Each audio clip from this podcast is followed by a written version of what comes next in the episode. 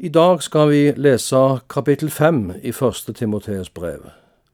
Jeg har satt som overskrift eh, på gjennomlesningen av dette brevet, nemlig hvordan en bør ferdes i Guds hus eller i Guds menighet.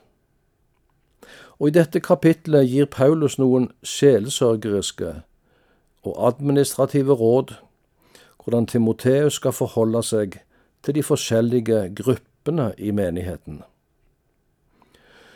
Ungdommen Timoteus har fått en lederoppgave i en etablert menighet i Efesus. Det var tydeligvis en flergenerasjonsmenighet, både unge og eldre. Så var det i menigheten også en del enker. De skal ivaretas og vises spesiell omsorg.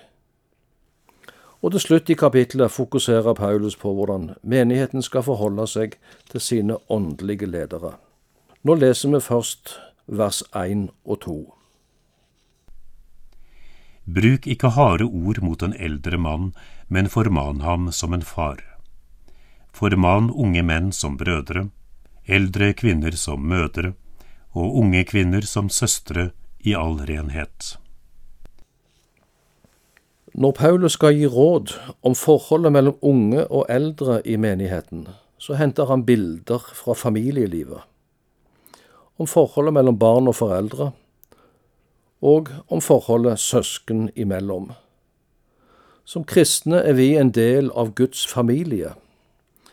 Som ung leder skal Timoteus møte den eldre generasjon med respekt og ikke bruke harde ord.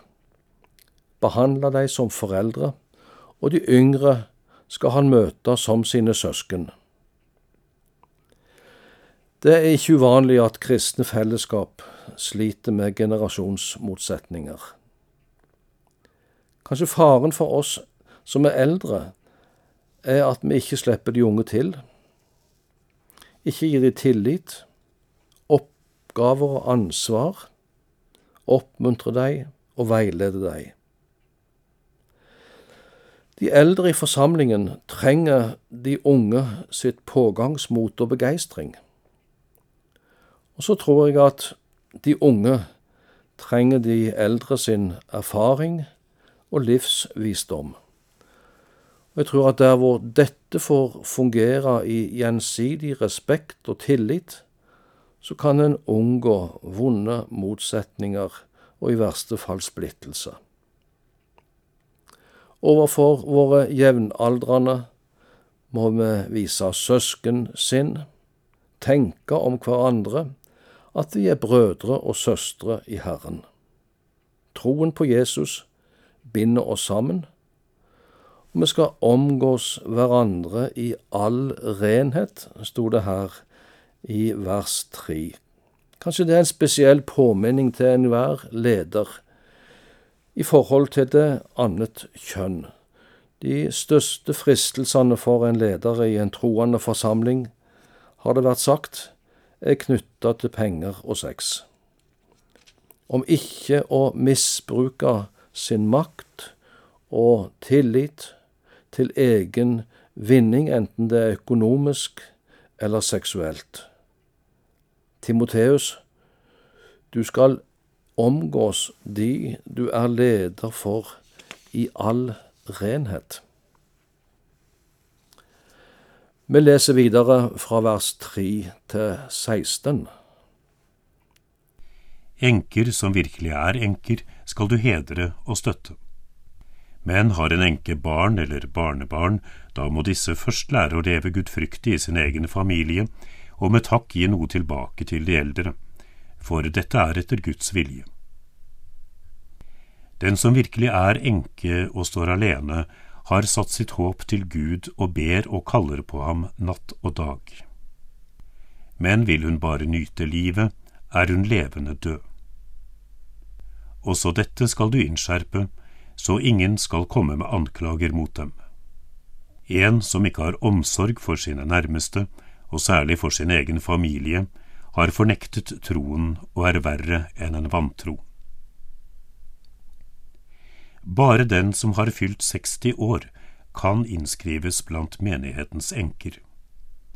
Hun må ha vært én manns kone, være kjent for gode gjerninger, ha oppdratt barn, vist gjestfrihet, vasket de helliges føtter, hjulpet nødlidende og alltid ha vært opptatt av å gjøre det gode. Men yngre enker skal du ikke godta, for når begjæret deres trekker dem bort fra Kristus, så de heller vil gifte seg, får de den dommen over seg at de har brutt sitt første løfte om troskap. Dessuten har de ikke noe å gjøre og venner seg til å springe fra hus til hus.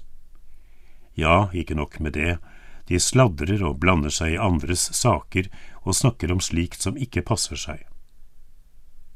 Jeg vil derfor at de unge enkene skal gifte seg, få barn og styre sitt hus, så ikke motstanderen får anledning til å snakke nedsettende om dem. Noen har allerede vendt seg bort og fulgt Satan. Om en troende kvinne har enker hos seg, skal hun sørge for dem og ikke belaste menigheten. Så kan menigheten sørge for de enkene som står alene. Enkene i den første kristne menighet ble vist spesiell omsorg. Og Paulus skjelner her mellom forskjellige slags enker. Det er de som har barn og barnebarn, i vers 3 og 4. De som er aleine, uten familie, vers 5 til 8. De eldre enkene, 9 og 10, og de yngre enkene fra vers 11 til 14. Enkene skulle vises omsorg også ved at de fikk materiell hjelp. Det gjaldt de som var aleine uten familie.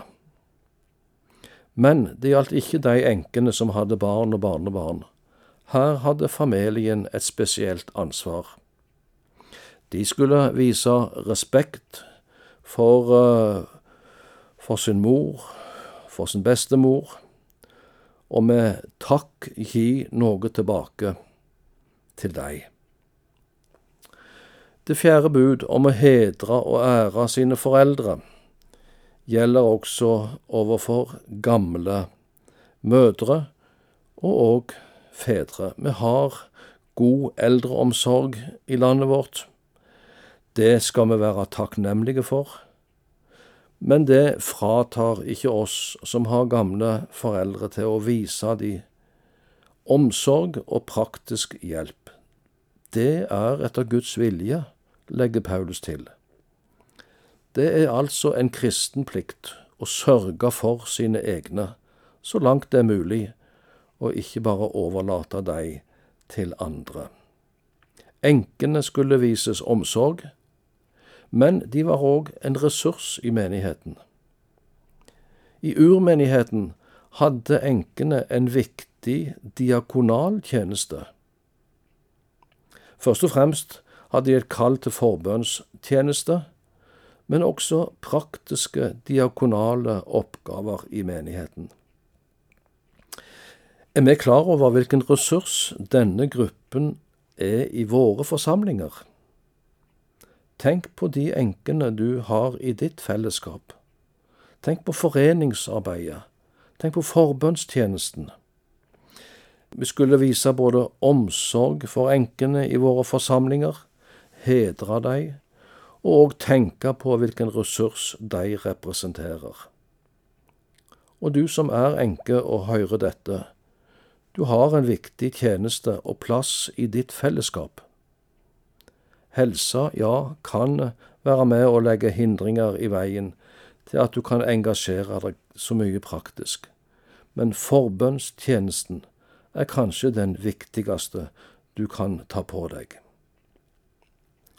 Til slutt skal vi lese versene 17 til 25.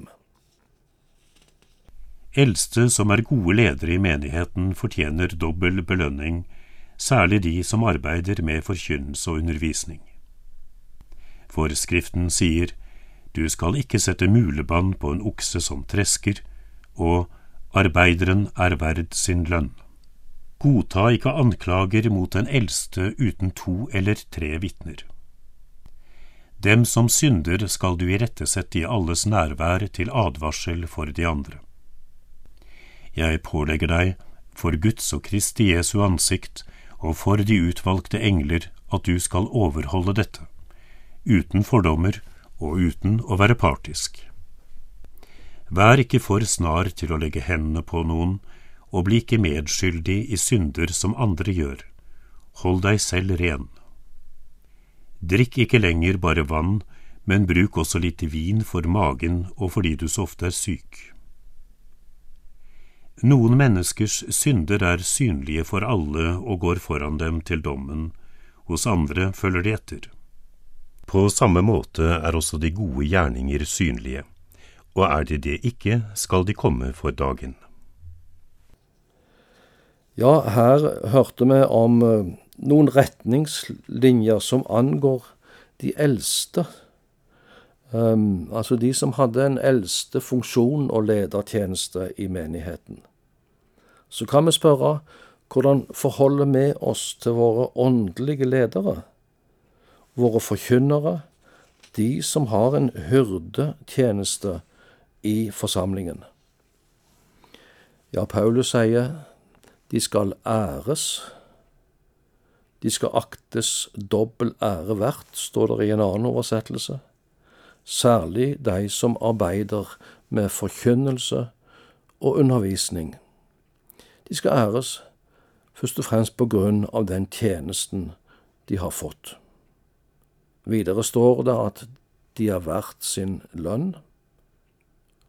Og de skal ikke baktales, men prøves ut fra Guds ord.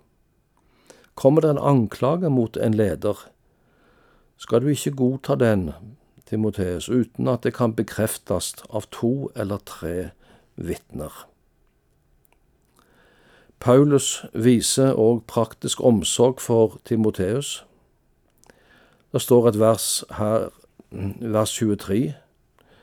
Det kan virke som at uh, Timoteus ofte var sjuk.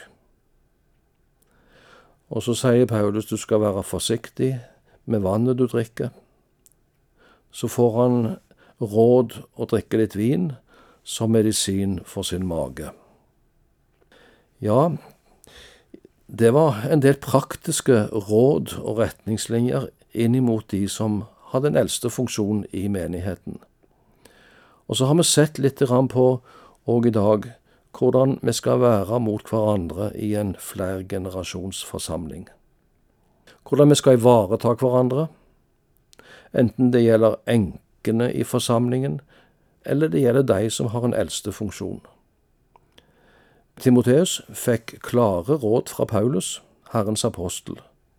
Det er Guds ord til oss i dag òg, om hvordan vi skal ha det i våre fellesskap og forsamlinger. Og her skal vi stoppe for i dag, og neste gang skal vi se på det siste kapitlet i første Timoteus brev. Gud velsigne deg.